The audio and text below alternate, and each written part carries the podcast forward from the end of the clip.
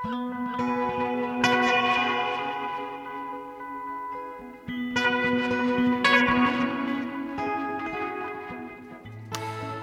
sæl og blessuð við sjá helsar á getu hlustendur miðugudaginn 9. desember. Við förum viða, í dag komum við í gömlu húsi í Þingoltónum, förum til Mississippi, komum okkur fyrir undir íslenskri skamdegi sól og förum líka allarleið til Persíu. Kristinn Árnarsson skáld, hann hefur þýtt ljóð eftir persneska skáldið Jala Lutin Rumi. Merkilegt skáld sem að uppi var á 13. öld, eitt merkasta skáld persneskrar og súfískrar ljóðahefðar.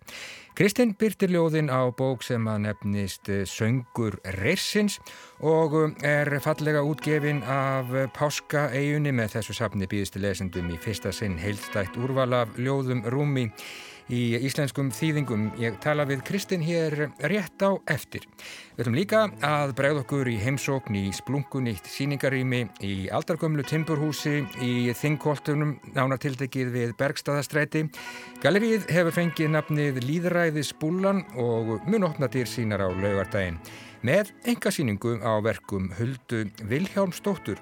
Hulda segir frá nýjustu verkum sínum í þætti dagsins, málverkum og teikningum sem að Hún hefur unnið undir áhrifum frá lífinu sjálfu með öllum sínum blæbregðum þar sem kettir, konur og COVID koma meðal annars við sögu. Meira um þetta undir lok þáttar í dag. Og bókvikunar hún er ekki að verri endanum að þessu sinni. Það er skáltsagan sem ég lág fyrir dauðanum eða Asælei Dying sem kom út árið 1930 og var fymta skáltsaga bandaríska Nobelskáldsins Williams Faulkner. Faulkner var auðvitað einn virtasti og áhrifamesti reithöfundur bandaríkjana á síðustu öll, stíl hans var og er einstakur Ekki síst í þessari markbrotnu skáldsögu þar sem frásögnin skiptist á milli 15 ólíkara ratta sem allar segja söguna af kostulegu ferðalagi bundren fjölskyldunar með lík ættmóðurinnar í farteskinu. Rúnar Helgi Vignisson hann þýtti þetta meistaraverk og gaf út árið 2013. Við heyrum í Rúnari í þættinum í dag og Ritthöfundurinn Otni Eir Ævarstóttir, hún ávarpar hlustendur viðsjár í dag undir skamdegis sól nú þegar farið er að líða vel á aðvenduna. Svona verður viðsjá í dag þennan miðugudag en eh, við byrjum á því að fara svo sem eins og 7 eða 800 ár aftur í tíman. Okkur munar ekkert um það, við förum í mávalíð og við förum allarleið til Persíu.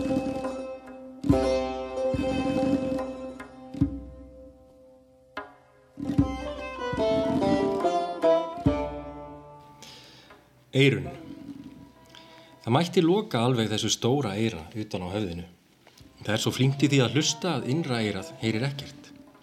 Hvaði maður heyrði alls ekki, hefði ekkert nef engan hugsanaburð. Þá gæti maður heyrt þessi orð greinilega. Snúðu þér við. Hljóðin í okkur, störf okkar og orðspor, allt þetta tileirir ytri heiminum. Þegar við lítum inn á við, ferðumst við um við innra rými.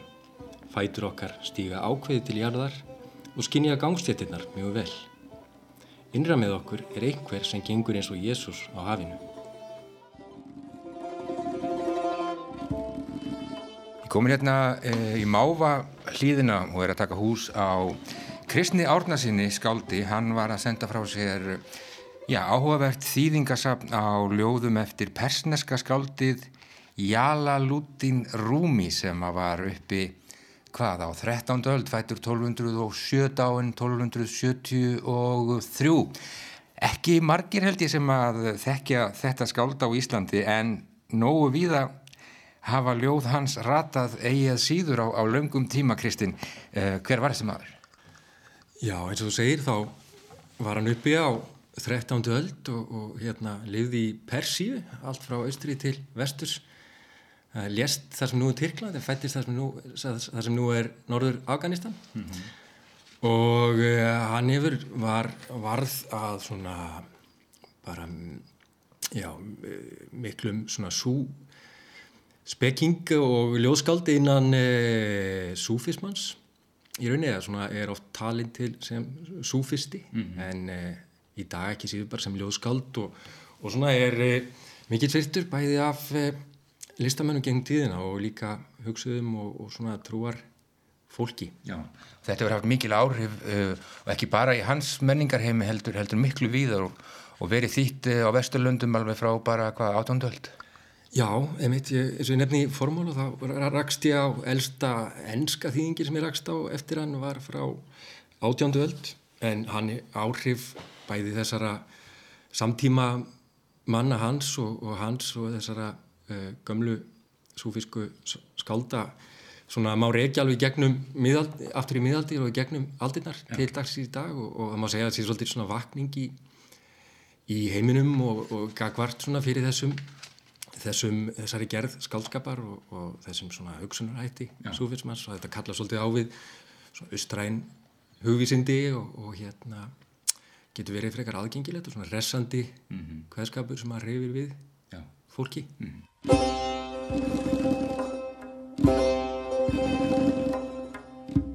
Hjartað Ef auðug manneskja kemur með hundrað sekki af gulli, mun sá sem situr í hásætunu aðeins segja Kondu mig hjartað, þú sem ert svona bógin. Ef hjartað er ánætt með þig, þá er ég ánæður. Og ef hjartað er ansnúið þér, þá er ég líka ansnúið þér. Ég velti þér ekki fyrir mér, ég lít til hjartans. Kondu með það, vesling sál, sem gjöfað mínum dyrum. Samband þess við mig er líka mitt. Paradís er við fætur mæðra. Hjartað er móðurinn og fadurinn og upprunnir allra vera. Sá sem finnur fyrir hjartan í öllum líkamannum er gæfur ykkur. Þú mun segja, sjáðu, ég kom með hjarta til þín. Hinn vinveiti mun svara, heimurinn er fullur af svona hjörtum. Kondu með hjarta sem er öksull alheimsins og sál sálarinnar sem er sál Adams. Konungur allra hjarta býður eftir hjarta sem er fullt af gesku og byrtu.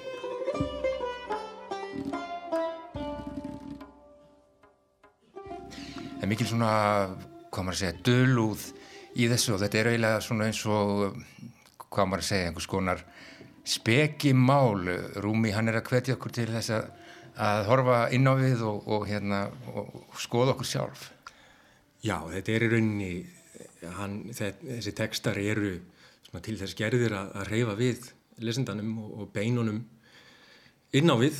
Eh, og hérna í stað þess að já það er í rauninni svona súfismin í þessu og, mm. og, og, og svo er döluð í þessu þannig að þetta er ekki allt alveg, líkur ekki allt í augum uppi endilega en, en, en mestanparti er þetta svona aðgengilegt fyrir flesta. En eins og segir þá, þá er þetta svona já verið að, verið að, að, að pota í lesandanum. Já, allt sem heimsækir hjartað þitt er gestur frá henni ósýnilegu veröld taktu vel á mótið í? Já, akkurat, þetta er í rauninni fælst í, í rúmi með svona rótækur hugsunaráttur eða sína á, á tilveruna, svona mjög svona rótæk frjálsíkja, mm. eins og maður segja, hérna sem að, að, að hérna, losa um tökin á á sleppatökunum á alls konar hugmyndum um, um tilverinu og beina frekar aðteglin inn á við og virkja svona skinnjun og svona beina upplifun á, á sjálfum sér og umhverfinu. Er þetta að lýsa súfismannum í, í fáinum orðum? Þú ert nú kannski bara nánast þegar búin að því? Ég held að sé svona eh, tiltúlega háskalegt að reyna að, að útskýra hann og ég, mm. þannig að hérna, eins og margt aðeins og það er unni þar sem að rúmi meðal annars bendir á að, að, að hérna, ekki hlusta á aðra eða rúmi heldur svona lærða svona finna hlutin á einn skinni og, og hérna, það er unni það sem að kannski sú, súfismin gengur út á. Já. það nálgastur umveruleikan einhvern veginn þannig Já, held ég.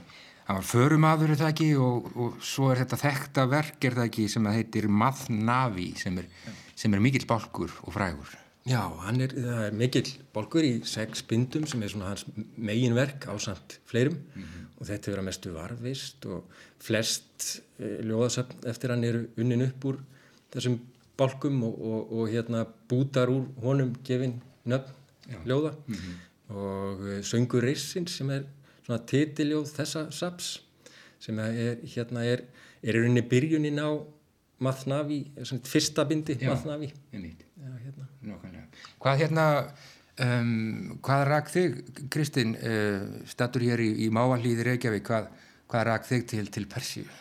Já, ég, ég svona, það er svona kannski áratöðu lung saga, sko. Ég svona byrjaði á smá svona líkamlegu hrunni svona rétt fyrir hrun sjálfur og, og svona leittist inn á alls konar brautir svona meðal annars austrænar með svo má segja og, og ljóðlist og þess áttar og hérna Mentaður í hagfræði? Já, uppaflega hagfræði og hérna síðan eftir að ég kom tilbaka til Íslands með Rúmi og fleira í farteskinu þá hérna þá uh, lærði ég já, ég fór í rillist í háskólanum til að geða mér smá segurum til að, að hérna, skrifa og, og já og þýða og, og fleira þannig að hérna Hámaðu ljóðin mín í þig meðan þau eru enn fersk áður en reik heimsins fellur á þau. Ég held að verði nú engin sko verri maður af því að, af því að lesa þetta. Nei, ég held nefnileg ekki ég, Svona heilandi Já, akkurat, þetta, þetta getur verið það og hérna svona, þetta er, ég, hvernig einn, það er ekki erfitt að, svona, ég, maður leitar aftur, aftur og aftur í hann, bara hann leitar mann líða vel eða svona, svona upplýftir manni frekar en hitt, Já. þannig að ég, hérna, ég þýðir tala með góðri samvisku. Já, sjálfsjálf í þessu. já, má vera, það býður upp á það, já, já, já og bara svona, a, a, a, í góðri merkingu finnst mér, sko. Já. Við eigum nú sammeilegt áhugamál sem er Fernando Pessoa og, og það er ekkert langt á milli eh, eins skáldana hans, Alberto Cairo kannski og, og þessar hefðar eða hvað? Nei, nei, mér finnst ekki. Ég er mikið láta ándi til dæmis Pessoa, sérstaklega ljóðana og, eh, og þegar ég var bara eh, og maður, ég greini svona mjög svona þessi súfísku áhrif í, í ljóðum Pessoa, sérstaklega Alberto Cairo hérna, Hjarskáldið Hjarskáldið, sko. Mm. og hérna þannig að, þannig að Rúmi og, og þessi tegund ljóða, hún svona hún fer bæði svona öfgan á milli, það má lesa þetta sem sjálf, sjálfsjálf en líka tengja þetta við svona aðsta kveðskap bara sem við höfum fengið fyrir okkar sko. Og Leonard Cohen hann las Rúmi og Philip Glass hann les Rúmi og bandaríska ljóðskvöldið Mari Oliver hún les Rúmi, þannig að þetta fer við það. Já, já, þetta gerir það þannig að það segir eitthvað um, um um ágæti efnisins held ég fyrir marga. Já, nákvæmlega. Ég segi bara til hamingi með þessa bók sem er einstaklega fallega útgefin hjá þér Kristinn, það er, það er bara þitt uh, kompani í Páskaæjan sem, sem að gefur þetta út og já, ekki á hverjum degi sem maður getur brúðið sér uh, 700 ára aftur í tíman og alla leið til Persju. Takk kella fyrir þessa fallegu bók, söngur, rissins og gangir allt í hæginn. Takk. Takk sem er leiðis. All the sisters of mercy, they are not departed or gone. They were waiting for me when I thought that I just can't go on. And they brought me their comfort, and later they brought me this song. Oh, I hope you run into them, you who've been traveling so long.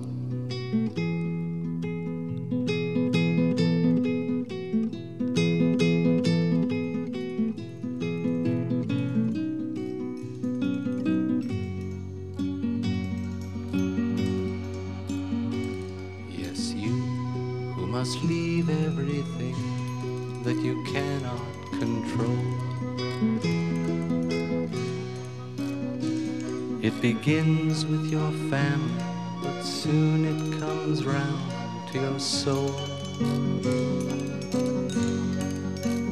Well, I've been where you're hanging, I think I can see how you're pinned.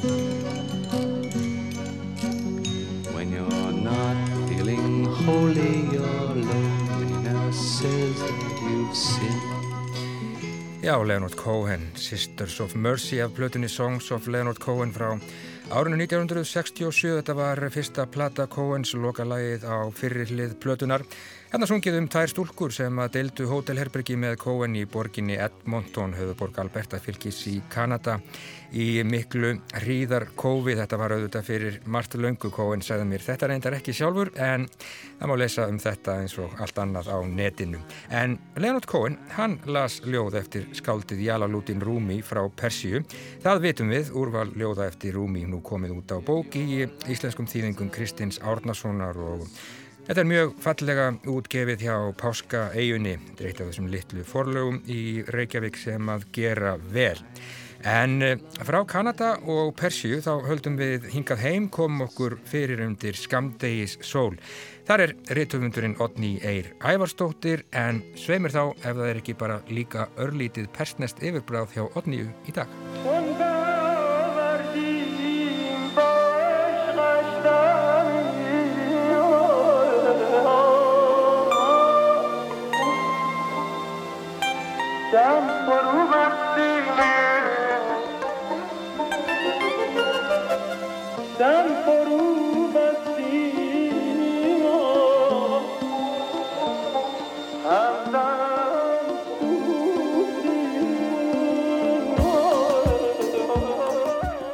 Skamdeginu leita maður að bókum sem að einhvern veginn lýs upp myrkrið og ég heyrði í viðsjá á mánudagin held ég viðtal Eiríks við Benedikt Hjartarsson um þýðingu hans á bók Ræners Marja Rilke sem kom út fyrir hundra árum og núna var að koma rétt í þessu út á íslensku.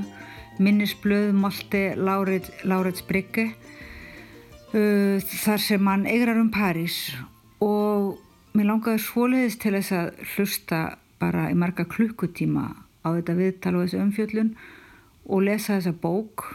En ég náði ekki að fara í bókabúð fyrir hátinn og nældi mér þess vegna í bók í, í, sem ég átti og kifti í París. Uh, það eru bref rilka til vinkonans uh, Lou Andrea Salome sem var raunar líka uh, mikil vinkona Nietzsche og Freuds og fleiri og, en, og hefur kannski orðið eða þekktust fyrir það að vera þessi góða vinkona og músa en hún sjálf var gott skáld, uh, hún var rittvöndur og eiginlega fyrsti kvenns sálgreinandin og það má segja að hún hafi sálgreint rilka í gegnum brefaskipti þeirra og sumir segja að uh, hann hafi skrifað meira og minna öll sín verk til hennar. Hún hafi verið svona hans innbyggði lesandi.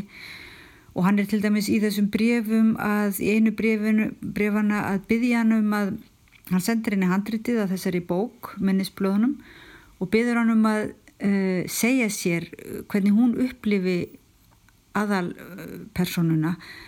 Því, því hann hefur orðið þess áskynni að menn ruggli henni og honum sjálfum mjög saman og kannski ekki skrítið þar sem þetta er mjög sjálfsæfisögulegt verk en hann byður hann um að segja sér uh, hvernig hún upplifi munin á þessum tveimur á skáldaða honum og honum sjálfum.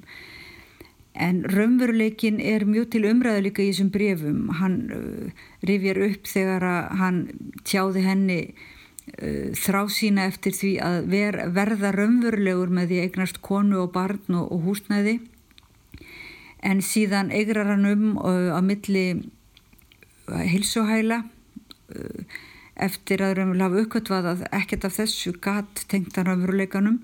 Eina sem uh, lætur hann finnast hann vera raunverulegur og lifandi er þegar hann er að skrifa.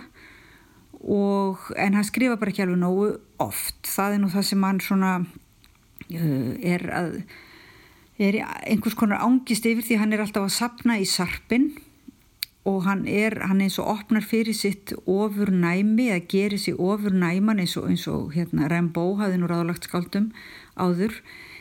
Eða svo virðist raunverulega sem Rilke hafi ekki mikið þurft uh, að gera að gera í því sko, að gera sér ofur næma þegar hann hafi verið á einhvern hátt sko bara uh, ofur næmur og eða svona alnæmur.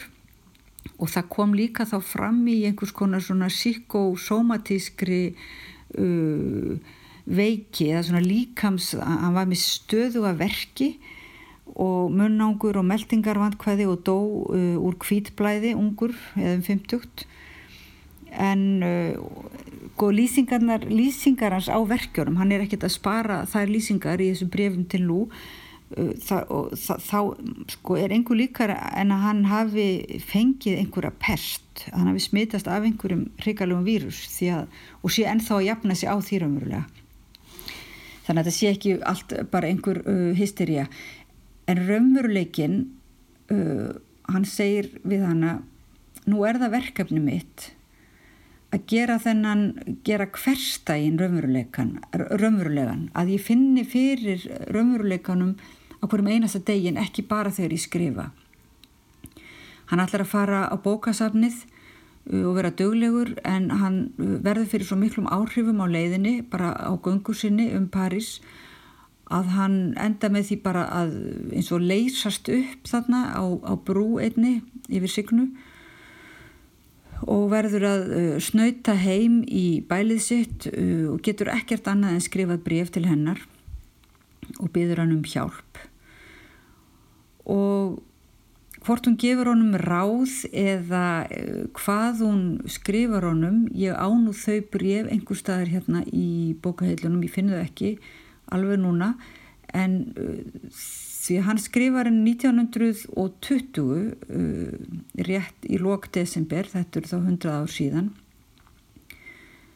þá skrifar hann henni hversu vel honum líði. Núna sé hann búin að skrifa og, og gefa út þessa bók og hann gangi um París og hann finni að hann sé einhvern veginn búin að sigrast á borginni og sjálfum sér. Og hann, uh, hann njóti þess bara að sjá litlu bóka skonsutnar við árbakkan og, og hann finni í sér þessa kend sem sé svo fingerð og óþægt að hún, hún sé eitthvað eins og sjálfri sér næg þessi kend að hún þurfi enga tilfinningarlega útrás þar með hugsa maður með sér að nú hann muni þá liklega hætta að skrifa en hann á þá eftir að vísu að skrifa tvo stóra og fræga ljóðabolka. Í ingangi sínum að þýðingu af uh, Duino tregaljóðunum segir Kristján Árnarsson ljóðskáld heitinn að uh, hann hafi í já, já þar talar eiginlega Kristján Árnarsson um annaðverk líka. Hann talar um uh, stundabókina sem stundum hefur verið kallað Ástabrifli Guðs. Þar sem hann lýsir uh, og, og, og Kristján segir það sem öðru fremur enginni Guðs hugmynd stundabókarinnar er að Guð byrtist þar sem hið ókomna og óorðna fremur en sem skapari og upphaf og þannig verður maðurinn einnig virkur í tilur þessa Guðs og svo snarar Kristján uh, nokkrum orðum eða nokkrum línum úr þessari bók ókomin tími mikli morgunróði Mildur bjarmi þess sem komaskal er nóttu líkur. Hann snarar líka nokkrum línum úr uh, frægu, viðfrægu riti Rilkes sem er bref til ungs skálds, þar sem hann er að gefa ungu skáldi ráð. Listaverk er gott ef það er sprottið af þörf. Sá upprunni er mælikvarði á það, það er engin annar til. Þess vegna, kæri herra, kann ég ekkert betra ráð yður til að handa en þetta. Lítið í eigin barm og kanni þau dýpi sem lífiðar er sprottið frá. Við uppsprettu þess er að finna svör við þeirri spurningu hvort er megið til að skapa. Það er engin mála miðlun í bóði hjá skáldinu og hann lifði tíma uppnáms og endurskoðunar, endurreysnar, endurreysnin fór í hönd eins og hjá okkur og maður velti fyrir sér er það góð hugmynd að vera rítuhöndur uh, ég á bók sem að býður útgáfu innan skams sem að er eiginlega uppgjör mitt við þessi góðu ráður ylkers uh, ég skýri mína bók bref til ungra skáld konu og reyni einhvern veginn að svara uh, þessum ráðum því að þau eru alveg ótrúlega góð og maður er svo sammólaðið og raunverulega hefur bara látið þau verða sér veganesti.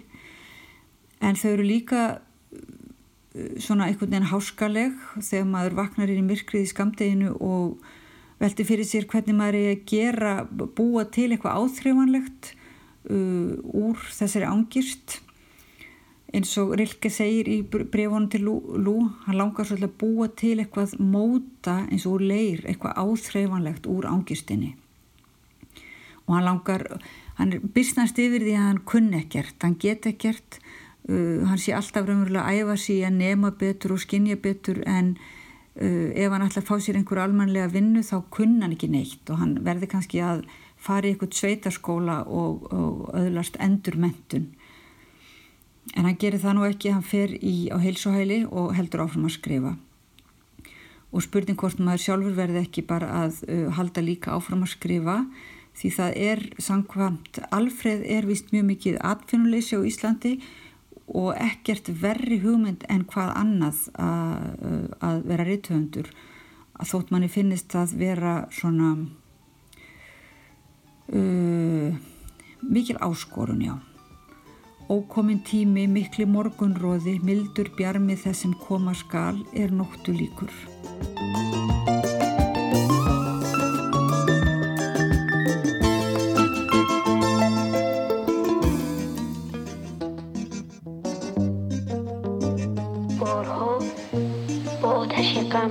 ساختیم بارها با آتش غم ساختیم بار دیگر. آتش غم سوختیم Já, Otni Eir Ævarstóttir, réttufundur undir Skamdegis sól. Rækilega styrt þarna af þýska tónlistarmanninum Holger Tsukai sem gerðnan var kendur við krát rock hljómsveitina Kahn. Persian Love, persnesk ást þarna í lokin hvernig skildi hún vera, kannski veit Otni það, hún veit ansi margt. En ágættu hlustendur bók vikunar að þessu sinni, hún er ekki af verri endanum, það er skáltsagan sem ég lá fyrir dauðanum. Eða Assalei Dying sem kom út árið 1930 og var fymta skálsaga bandaríska Nobelskálsins Williams Faulkner. Faulkner var auðvitað eitt virtasti og áhrifamesti réttufundur bandaríkjana á síðustu öld. Stíl hans var og er einstakur, ekki síst í þessari markbrotnu skálsögu þar sem frásögnin skiptist milli 15 ólíkra ratta sem allar segja söguna í svo sem eins og 59 köplum af kostulegu ferðalagi búndren fjölskyldunar með lík ættmóðurinnar í farteskinu. Skálsagan sem gerðnan er talin ein af merkustu skálsögum 20. aldar kom út í íslenskri þýðingu Rúnars Helga Vignissonar árið 2013. Jóhannes Ólafsson hitti Rúnar. Rúnar Helgi Vignisson, verður velkomin. Takk. Þessi bók sem ég lá fyrir dauðanum eftir William Faulkner, þetta er, þetta er eitt af stórvirkjum 20. aldarinnar Uh, sagan í þessari bók söguþráðurinn, það er eiginlega alltaf hægt að tala um þessa bók án þess að fara að ræða stílinn og, og frásagnarmátan. En, en þú getur byrjað að segja bara í stuttumáli um, um hvað er þessi saga Já, það hefur stundu verið sagt um þessa skáldsögu fóknars að hún geymir svona einföldustu söguna eða einfaldasta söguþráðin í skáldsögum hans eins og við vitum eru það er yfirlega mjög flóknar. Þannig að þetta er ekkit flóknar en það, það er ættmóðir sem deyr og að því að hún hefur tekið sagt, loforð af manni sínum um að hún verði jarsett í gravreit eh, sínsfólks í 40, 40 milna fjarlað þá, hérna, þá verða, verður hann að standa við það maðurinn hennar og fer ásand, ásand svonum og börnum öllum uh, með líki og þau lenda í alls konar rakningum á leiðinni. Mm. Um, það verða þarna flóð og, og, og það verður eldsvoði og, og því en líkt. Um, þannig það er ímislegt svona þau lendi í alls konar rakningum sem að sem að draga fram eitt og annað í þessu fjölskyldu minstri og náttúrulega í leiðinni í eh, bandariska söðrinu sem að fóknir var auðvitað alltaf að fjalla um. Já. Hann sagði þegar hann tók við Nóbesvelunum að hún myndi, myndi ekki endast æfin til þess að fjalla um þennan litla skika heimsins. Mm. Og það verist, já, hann, hann var mjög trúr þessum litla skika já. og fór ekki burt sko, hann Hann satt, hann satt harna mest, mestan part í smábænum Oxford, Oxford meðan að sagt, uh, kollegar hans satt í París. Já, einmitt. Já, Hemingway og, og Fitzgerald. Og... Einmitt. Hann sá, sá enga ástæði til að vera yfirgefa. Nei, það var nægur efni viður þarna en hins vegar má þetta segja að hann uh, hafi orðið fyrir áhrifum af þeim tímum sem hann livði, þar að segja því sem var í gangi í bókmöntum heimsins því að það sést kannski hverki betur en á þessari bók sko hversu móternískur höfundur fóknir er. Mm. Um, þá má ég lega segja að uh, þessi bók sé svolítið kúbísk, það er svona ákveðin bókmyndalegur kúbismi í þessari bók þess að hann sagt, segir söguna frá svo mörgum sjónarhóttnum um, hann brítur veruleikan upp, hann trublar framvindu sögunar á þennan hátt eins og mótenistum var svo gænt að gera, þeir vildu sína sína veruleikan frá mörgum hliðum og mm. engin einn sannleikur, það var bara samsapn sjónarhorna. Ja. Þannig að... Og, það, og, og sko, hver kapli er mertur personu, þannig að það er ein persona sem talar einuður 15 personur uh, og það er fá mismikið plás og tala með ólíkum hætti. Það er kannski það sem að til að bæta óanátt allt saman. Það er, það er svona þetta vitundarflæði hvers og eins er misjant maður þarf svolítið að setja sig í stellingar Já. fyrir hverju og eina persónu Já, já, það er engin einn sögumæður sem heldur utanum þetta fyrir okkur eins og Lagsnes beitti gerðnan á þessum tíma. Já. Þá var hann með einn sögumann sem var jæfnvel alvitur og heldur utanum söguna fyrir okkur. En, mm. en þarna fáum við bara uh, þessar frásagnir og við vitum ekki við hvern þetta fólk er að tala alltaf einu sinni. Mm. Það er bara stundum er það einræður, stundum virðist að vera að tala við einhvern annan, hugsanlega einhvern sem að, uh, er partur af sögunni.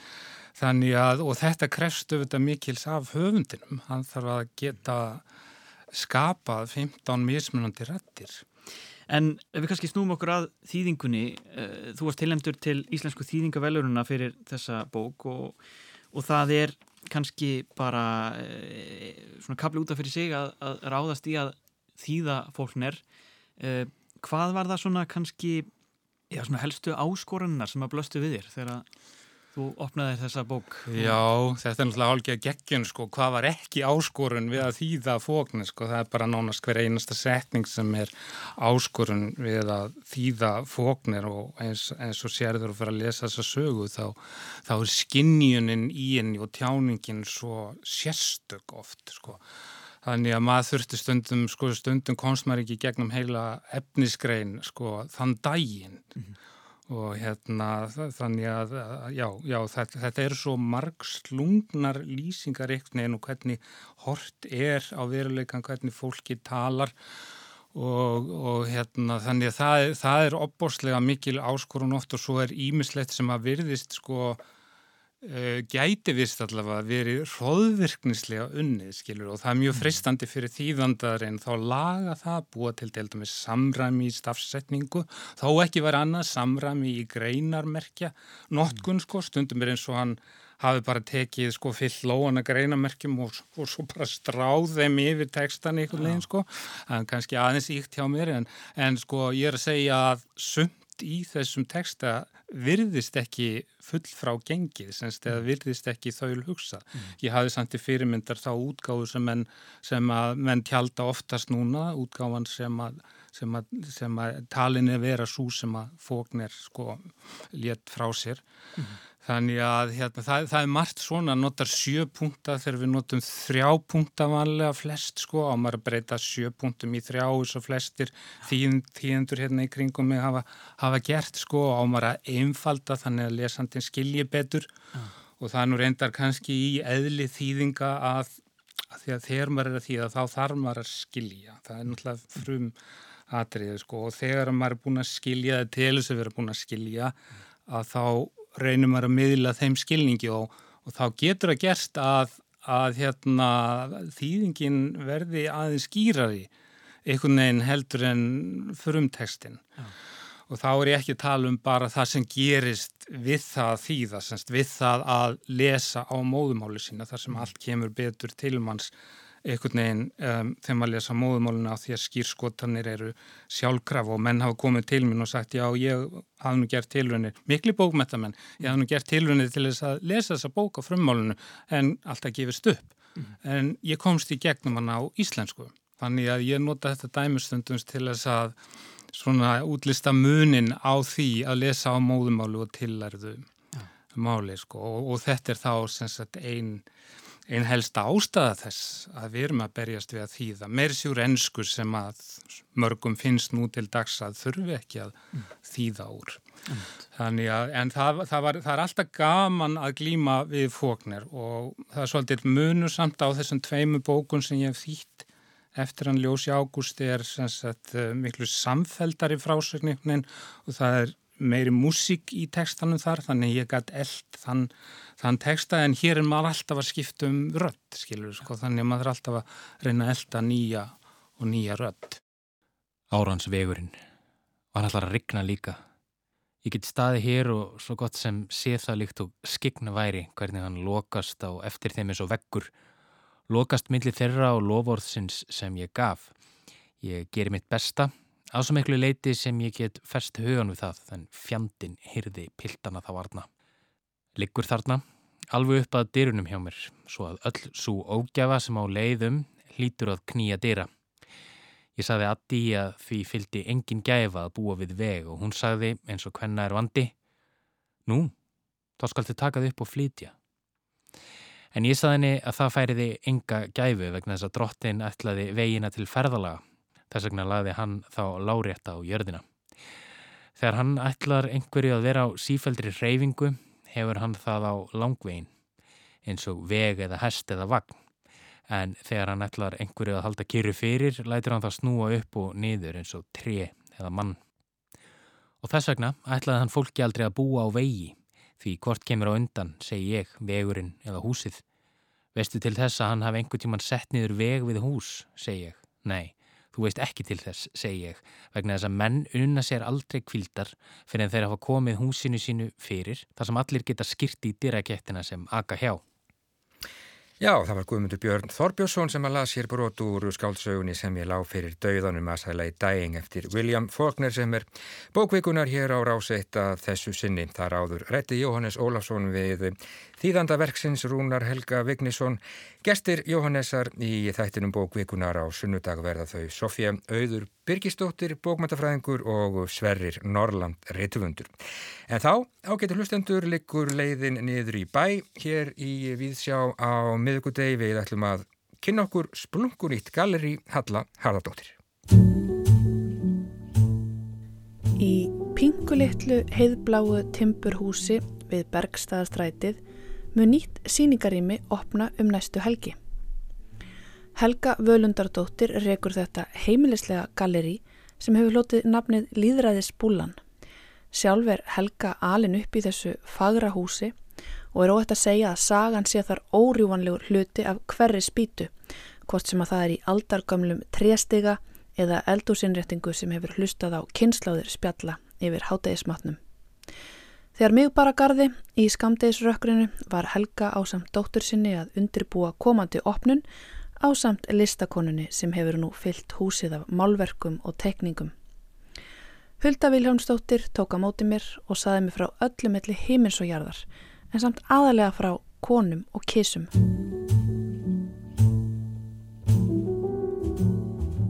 Dásanlegt að koma hérna inn í líðræðisbúluna og hitta allar þessar konur, Hulda, og þig að sjálfsögðu til ham ekki með þetta. Takk fyrir. Opnun eftir nokkra daga, fyrsta opnunin í þessu skemmtilega rými hérna við Bergstæðastræti, þessu sögufræga húsi sem við fáum kannski að heyra af bara síðar en uh, núna ætla ég að fá að heyra af þessari síningu sem að uh, hefur ákveðin titilu það ekki, hvað kallar hana? Ég kallar hana Dagu líður og svona Kisa kemur timmín sko, það er svona auka titill og hérna þessi titill fættist eiginlega fyrir svona þremur árum svolítið síðan. Og þá greinist ég með krabba minn og hérna og er mikið, er í, í, í kímó, livja meðferð og, og hérna, er mikið heima og, og hérna og er að skrifa niður texta og byrja að skrifa texta sem ég byrti svolítið á Facebook og, og svona, svona hálgerða dagbóka færslur sem ég eiginlega finnst svona vera svona eins og ég sé að graffa eða eitthvað sko, eins og ég sé að út á götu, þetta er svo opið rými Facebook sko, þetta er svona mm -hmm. og mér finnst það svo einhvern veginn eitthvað, eitthvað tjáningafrelsi sem ég vildi tólka og, og hérna og þá kemur þessi titill dagur líður í nokkurn ljóðum sko, eða texta eða svona lítil ljóð svona, og hérna og þá eiginlega þegar ég fyrir að vinna þessari síningu þá fyrir ég að skoða hann texta af síðuslu þremur árið sem ég hef unnið sko og þá kemur þessi setning dagur líður of, aftur aftur sko þannig að mm -hmm. Og mér finnst það líka kannski er það svolítið þunglindi og, og líka lýsir svolítið tímanum í dag að fólk einhvern veginn mm -hmm. þarf að hafa lífið svolítið bara hverstaslegt og, og hérna og einfalt mm -hmm. og Einmitt, það er einfallleiki og hverstasleiki og fegur því þessar stuttu setningu, dagur líður, Já. kissa kemur, maður sér fyrir sér bara þú í stofinu heima og ég veit er mikil kissukona, er það ekki? Jú, Jú, ég bara, ég býði mitt í svona gömlu húsi og hérna í 101 og, og með kissu sko og kissulúu og allt sko, þannig að hún er búin að búa hjá mér eða fættist hjá mér 2006 og, og hún hefur alltaf verið hjá mér sko því, í því húsi. Það er ótrúlega gott að hafa kísu hjá sér þegar dagarnir að líða. Það er eitthvað einstakt. Að það veit allir sem eiga ketti held ég. Þetta er eitthvað svo þægilegt líf sko, auðvitað spennist maður upp eins og núna er það kannski að koma jólinn og svona og einhver síning hjá mér og ég spennist upp. Og Kísa spennist líka upp. Hún, eins og við vökni, vorum vakandi í nótt sko. Og hún var að horfa eins og eitthvað var að koma eða eitthvað. Þannig að mér finnst það svolítið skemmtilegt og ég er stundum reynir á þólum að ef ég er á óþölumóð eitthvað svona og, og hérna, reyna að taka hugleyslu og slaka á þá kemur Kísa og einmitt finnur það ég er óróleg mm. og róa mig niður sko mm. þannig að það er svona já, mm -hmm. hún hefur alveg bjargað mér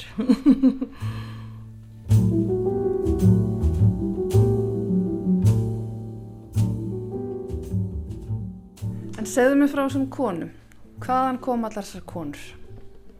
Já, það er svo laung saga að segja frá sko, ég er sjálf kona og ég gerði fyrst því ég var að byrja þá gerði ég mikið sjálfsmyndir og svona og, og hérna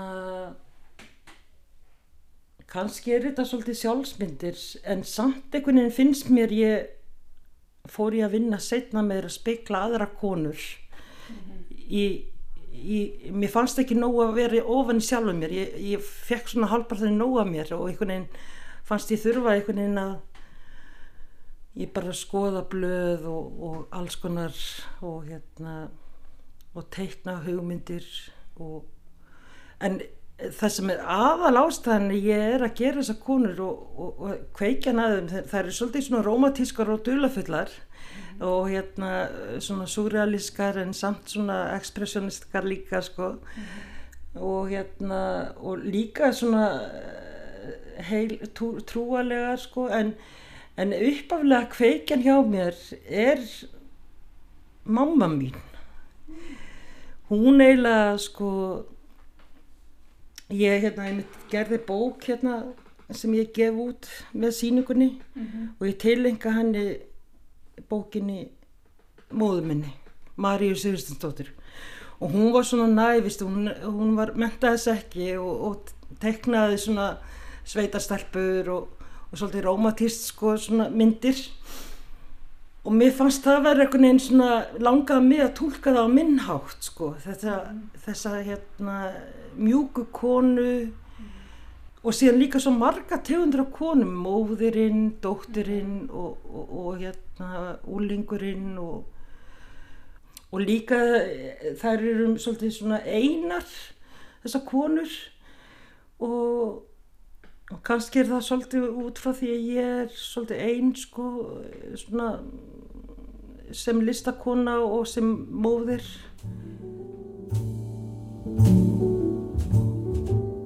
Held að segja mér aðeins frá þú talar um margar týpur af konu Já. Hér nú er þetta ekki engil Jú, þetta er engil kannski ef maður fyrir svona pæli stílum og þá er einhvern veginn ég einhvern veginn nota svolítið, þetta er svona eiginlega nýjasta myndin sem ég hef gert sko og, og, og undir þessu COVID ástandi og, og óttakasti sem maður fær yfir þessu ástandi þá er þetta svona einhvern veginn frelsi og tjáningafrelsi og einhver geistlar og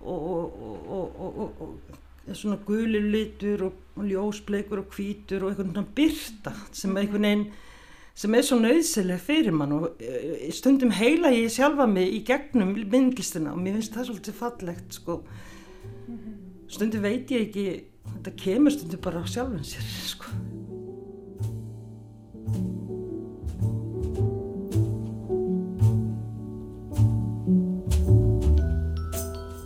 Come a little bit closer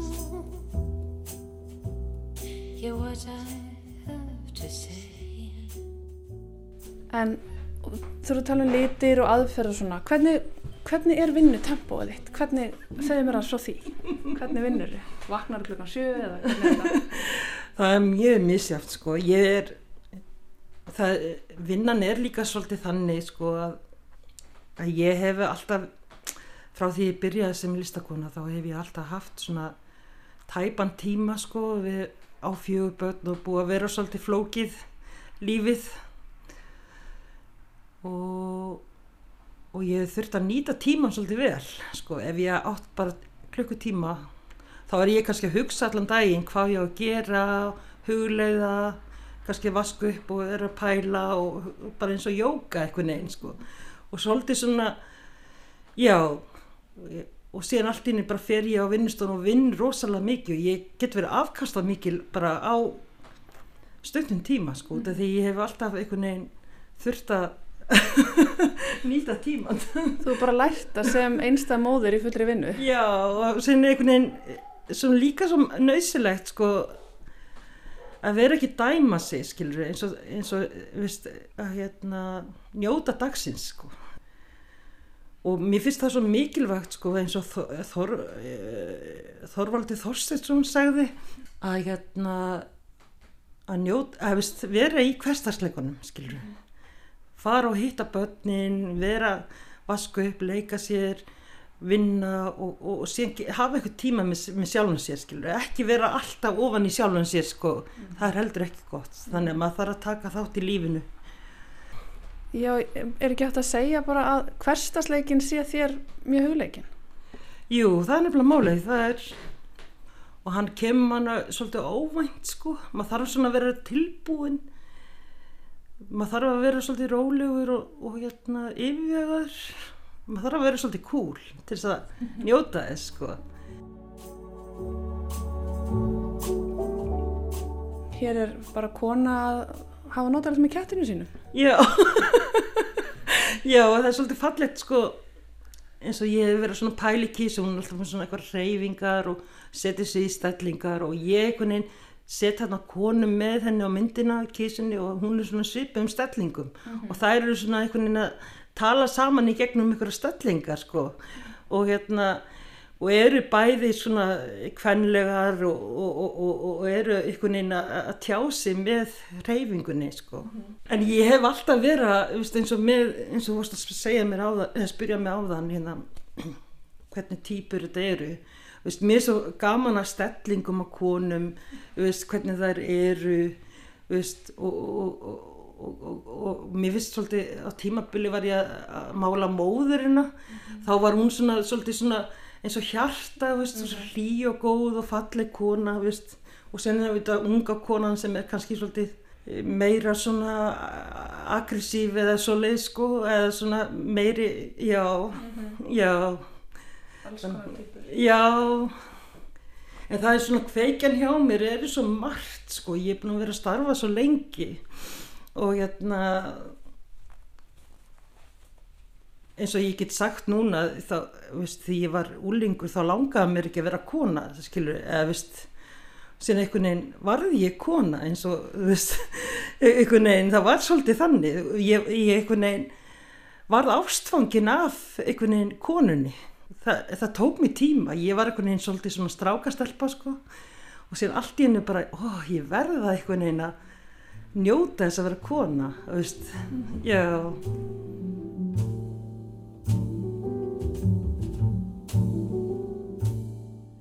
Örstuðt í lokinn, þá langar mér bara að spyrja þig, þú varst nú aðeins búin að koma inn á þetta COVID allt hérna. Já, já, þegar það kom að fyrst í vor þá leið mér svo illa að ég gat ekki mála sko. Ég reyndi að mála en það bara einhvern veginn það var eins og það væri bara eitthvað svona ljótur and inn í mér sko, sem leið svo illa með og mér fannst ég ekki vera alveg heiðarleg sko.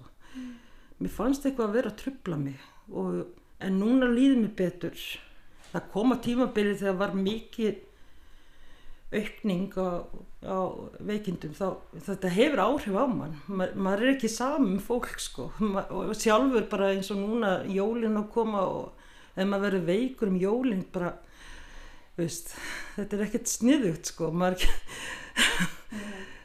en ég held ég held að sé samt mikilvægt í, í dag að halda ánfram og hérna og það er einhvern veginn eins og góðu vinnum minn sagði að sköpun er svo mikið líkillina því að halda ánfram og, og menning sko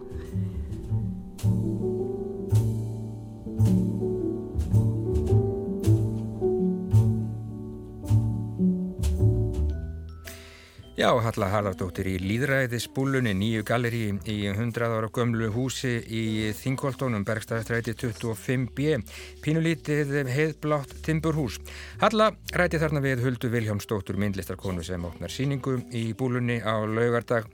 Sköpun líkilinn að því að halda áfram sagði Hulda og það má nefna í beinu framaldi af þessu að hægt verður að nálgast bókina sem að Hulda nefndi í viðtælinu og gefin er út í tilefni síningarinnar í takmörkuðu upplægi og inniheldur tekningar og sömulegðis teksta eftir huldu. En svona líkur þessu hjá okkur í dag fórum við að þessu sinni Persia, Mississippi, Skamdegi, Sól og Loks líðræðisbúlan við Bergstaðastræti í Reykjavík við sjá hér aftur. Á sínum staðalöst eftir klukkan fjögur á morgun þá er meningin að bjóða upp á viðtöl við höfunda og upplestra úr nýjum bókum. Það skýrist betur á morgun auk þessum að Gauti Krismansson hann fjallar um skáldsöguna Stremdinga eftir Irsu Þöll Gilvadóttur. En þetta er búið í dag, teknimaður í þessari útsendingu var Kolbeitt Sofíusson. Takk fyrir samfélgina í dag, kærlega verið sæl.